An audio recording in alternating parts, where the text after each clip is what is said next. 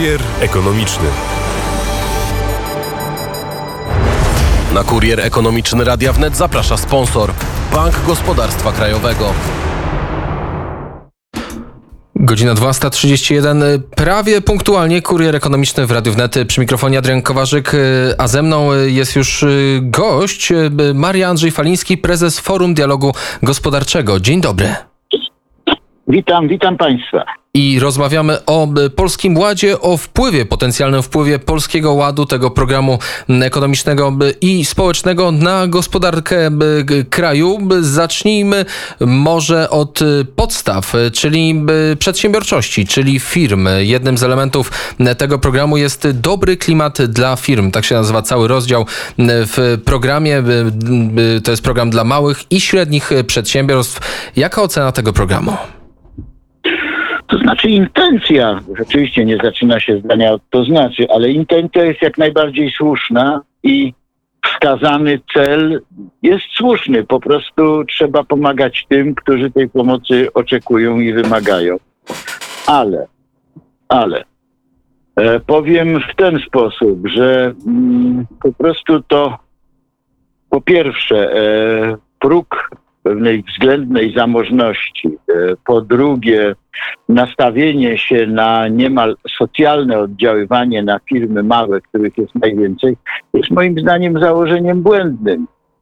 Z tego względu, że po prostu gospodarka będzie stawała tym szybciej po tym nieszczęściu covidowym, im więcej będzie do nas napływało inwestycji i im większą swobodę będziemy mieć w dostępie do dodatkowych środków, które nam e, e przyobiecała Unia, wszelako pod pewnymi, pod pewnymi e, warunkami. E, to, co mnie martwi, e, to jest e, przede wszystkim cały system zobowiązań, płatności, podatków, który, przez który e, prześwituje takie myślenie w kategoriach plebejskich, że tutaj jesteś biedny, mały, nie dajesz sobie rady, to my ci pomożemy. Ale w momencie, kiedy podniesiesz lekko głowę, to w tym momencie wpadasz w inną, w inną że tak powiem, podziałkę, w inny, e, w inny e, poziom postrzegania przez system administracyjny, fiskalny, dowolnie dowolnie inny i w tym momencie e, zaczynasz się wić w relacjach z ZUS-em, w relacjach z Urzędem Skarbowym, e, w relacjach ze standardem e, minimalnego wynagrodzenia, który jak wiadomo powiązany jest z ZUS-em, w relacji z, do strategicznego projektu, jakim jest zwiększenie nakładów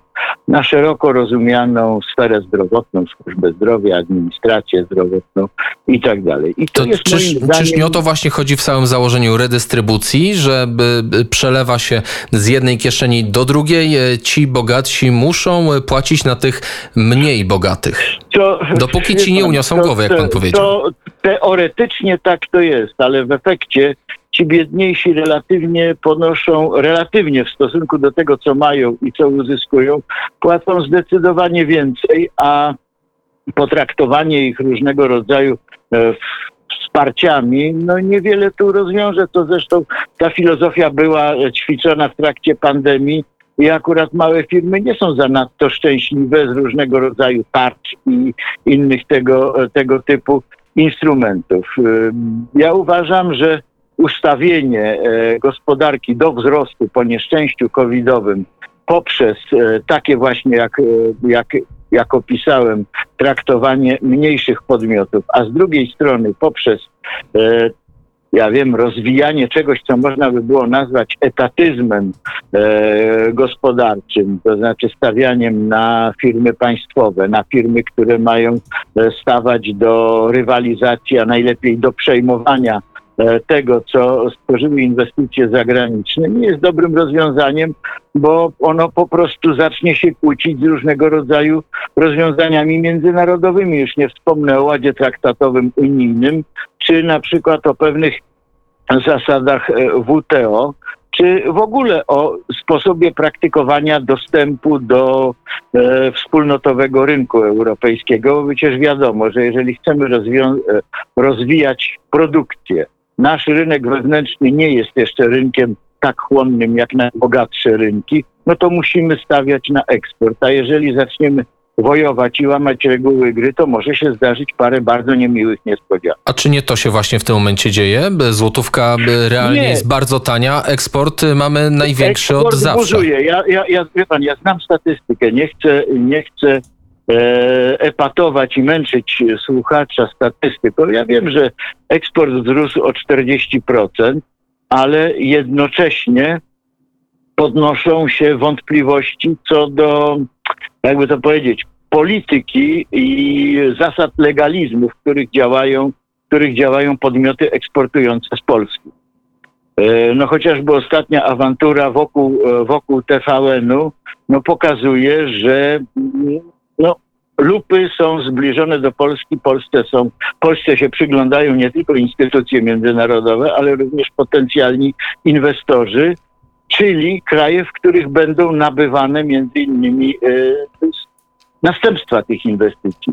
Także wydaje mi się, że powinniśmy więcej skupić się na inwestycjach, mniej patrzeć na sprawę tak po plebejsku, socjalnie w tym segmencie firm mniejszych, szczególnie firm handlowych i powinniśmy moim zdaniem e, po prostu zrezygnować z takiego fiskalnego e, traktowania przedsiębiorców, szczególnie tych przedsiębiorców małych, którzy chcą się e, stać przedsiębiorcami średnimi, bo oni będą się stawać tymi średnimi e, coraz wolniej i coraz trudniej. Także program jest jak najbardziej słuszny, tylko e, w warstwie, że tak powiem, strategicznej jest niespójnie. Jak pan słusznie mi zasugerował, to zaczyna być trochę przekładanie pieniędzy z kieszeni do kieszeni, plus obietnica e, jakiegoś wsparcia e, z tej kieszeni wspólnej, czyli z budżetu, z funduszy, czy też z pieniędzy napływających na przykład z Unii Europejskiej, e, co do których zaczynamy mieć różne wątpliwości, bo podobną politykę prowadzą Węgry i tam się, e, no tam w pewnym momencie, bodajże przedwczoraj zaciągnięto ręczny hamulec. Także powiedziałbym tak, etatyzm, plebeizm i podważanie, i podważanie ładu e, traktatowego, do którego weszliśmy sami stając się członkiem Unii Europejskiej, no powinno być uspójnione, bo krzyżowanie Unii Europejskiej z e, piłsudczykowską sanacją na zasadzie sentymentu historycznego może się nie uda. Wspomniał Pan o inwestycjach. Chodzi o inwestycje firm, tych małych i średnich przedsiębiorstw, czy inwestycje Też, y, też, państwowe? to znaczy chodzi mi o inwestycje przede wszystkim dużych firm, najlepiej firm światowych, bo one otwierają rynki. Po drugie, chodzi mi o inwestycje prywatne dużych firm polskich, by nie robić tego poprzez proces etatyzacji, czyli przejmowania, przejmowania przez e, różnego rodzaju właścicieli e, publicznych. I e, trzecia sprawa, po prostu odciążenie, czyli umożliwienie inwestowania firm małych. Nie może być tak, że się na przykład ustawia minimalną płacę na poziomie około 3000 złotych. Do tego są różnego rodzaju daniny publiczne, a to na zdrowie, a to podatek, wprawdzie z ulgą, ale zarobisz więcej, to stracisz tę ulgę, bo to po prostu się nie sklei. Ja mam w rodzinie, moje dzieci prowadzą dwie firmy i bardzo boleśnie odczuwają ten taki e, plebejski, e, socjalny sposób patrzenia na gospodarkę. Masz dać, bo on ma mniej. To, To tak, skupmy, to tak nie skupmy, skupmy się na tym drugim punkcie, o którym Pan powiedział. e, Nie o oddawaniu, a o niezabieraniu, czyli różnego Dokładnie rodzaju ulgi, tak. które przewiduje, przewiduje Polski Ład. W tym momencie mówił Pan o inwestycjach rozwoju. Jest choćby ulga, to wprawdzie są tylko e, dosłownie jedno zdanie, ale ulga na automatyzację i robotyzację produkcji, czy choćby podatkowe wsparcie ekspansji Panie- zagranicznej, tak to się Panie ładnie nazywa. redaktorze, proszę Państwa, automatyzację, robotyzację, gdzie? W tych małych firmach? Za co? Za jakie pieniądze? Na jakich warunkach finansowania? E, Na, na jakim wsparciu kredytowym? A gdzie system umorzenia? Gdzie system wsparcia rat? No, no bądźmy realistami, no nie zrobimy sobie trzeciej czy tam piątej Japonii. No, Czyli to- te ulgi- Te tak. ulgi są przeznaczone dla ogromnych graczy zagranicznych, z tego co pan mówi. Nie, one są przeznaczone dla mocnych technologicznie firm, powinny być. Bowiem to oznacza podniesienie technologiczne, e, technologiczne podniesienie, wydźwignięcie całej gospodarki i powiązanie z technologią i z możliwością zarabiania pieniędzy całego otoczenia ekonomicznego, bo przecież nawet jeśli w Polsce funkcjonuje jakiś gigant, to on nie funkcjonuje w próżni, po pierwsze, a po drugie sprzedaje nie tylko na rynku wewnętrznym, tylko otwiera inne rynki, z czego my mamy odpowiednią korzyść, chociażby na tej zasadzie, o jakiej przed chwilą mówiłem, tych kooperujących e, elementów otoczenia. Także mm, mniej zabierać, a więcej stwarzać możliwości e, zarabiania, bo socjal prędzej czy później prowadzi do tego, że w kieszeni że w kieszeni dotyka się dna. To jest jedno, ale też y, mamy najnowszy raport TMF Group, y, Global Business Tak, Complexity mamy. Index. Tak, Polska nie pierwszy raz uplasowała się na wysokim y, miejscu w Europie, jeżeli chodzi o złożoność przepisów, regulacje i problem w prowadzeniu. A, a to, jest, to, jest, to, jest kolej, to jest kolejna, to jest kolejna kolejność, że tak powiem, czyli e, takie mm, Nieprzewidywalność prawa. taka nieprzewidywalność prawa, bowiem jest pewnego rodzaju zasada, że jeżeli chce się przeskoczyć pewne etapy, nie kontroluje się realnych ryzyk, to stara się, stara się zabezpieczyć przed wszystkim. I wtedy robi się z jednej strony potężny zbiór zakazów, z drugiej strony potężny e, zbiór obowiązków, zobowiązań, nakazów, a z trzeciej strony potężny zbiór obietnic, że jak będzie ciężko, to wam, po, to wam pomożemy. Jeżeli jeden z tych trzech elementów, z tych trzech, że tak powiem, zbiorów, o których e, wspomniałem, się zawali, to cała rzecz e, zaczyna grzęznąć e, w mitrędze biurokratycznej, w pożyczkach, zadłużeniach, w różnego rodzaju polowaniach na tanie przejęcia, bo ktoś się wywrócił, czyli zbankrutował.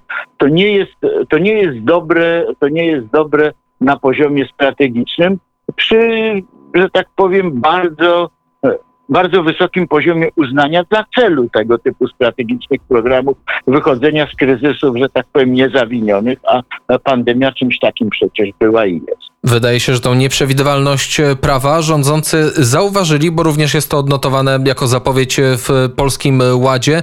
E, Chodzi o kompleksowy program wiążący administrację podatkową, dokument, który będzie Ależ- wspierał inwestorów pan, i gwarantował wysokość opodatkowania w pierwszych latach inwestycji. Nie znamy jeszcze szczegółów, ale jak to dla pana brzmi? No brzmi bardzo szlachetnie.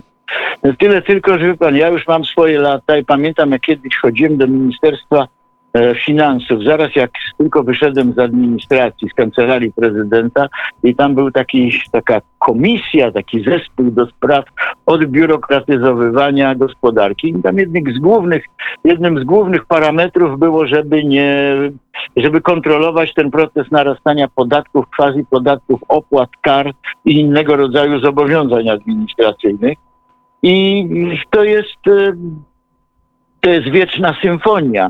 Ja bardzo bym sobie życzył, żeby to się udało, ale moje doświadczenie życiowe i pamięć, powiedzmy, takie, taka publicystyczno-naukowa, tak ją nazwijmy, no, wskazuje, że to jest bardzo trudne. Więc e, tu postawimy trzy e, kropki. Dziękuję serdecznie e, za rozmowę. Maria Andrzej Faliński, prezes Forum Dialogu Gospodarczego, był gościem Kuriera Ekonomicznego. Dziękuję i do usłyszenia, mam nadzieję, niebawem. Gość też bardzo dziękuję, kłaniam się Państwu, kłaniam się Panu redaktorowi.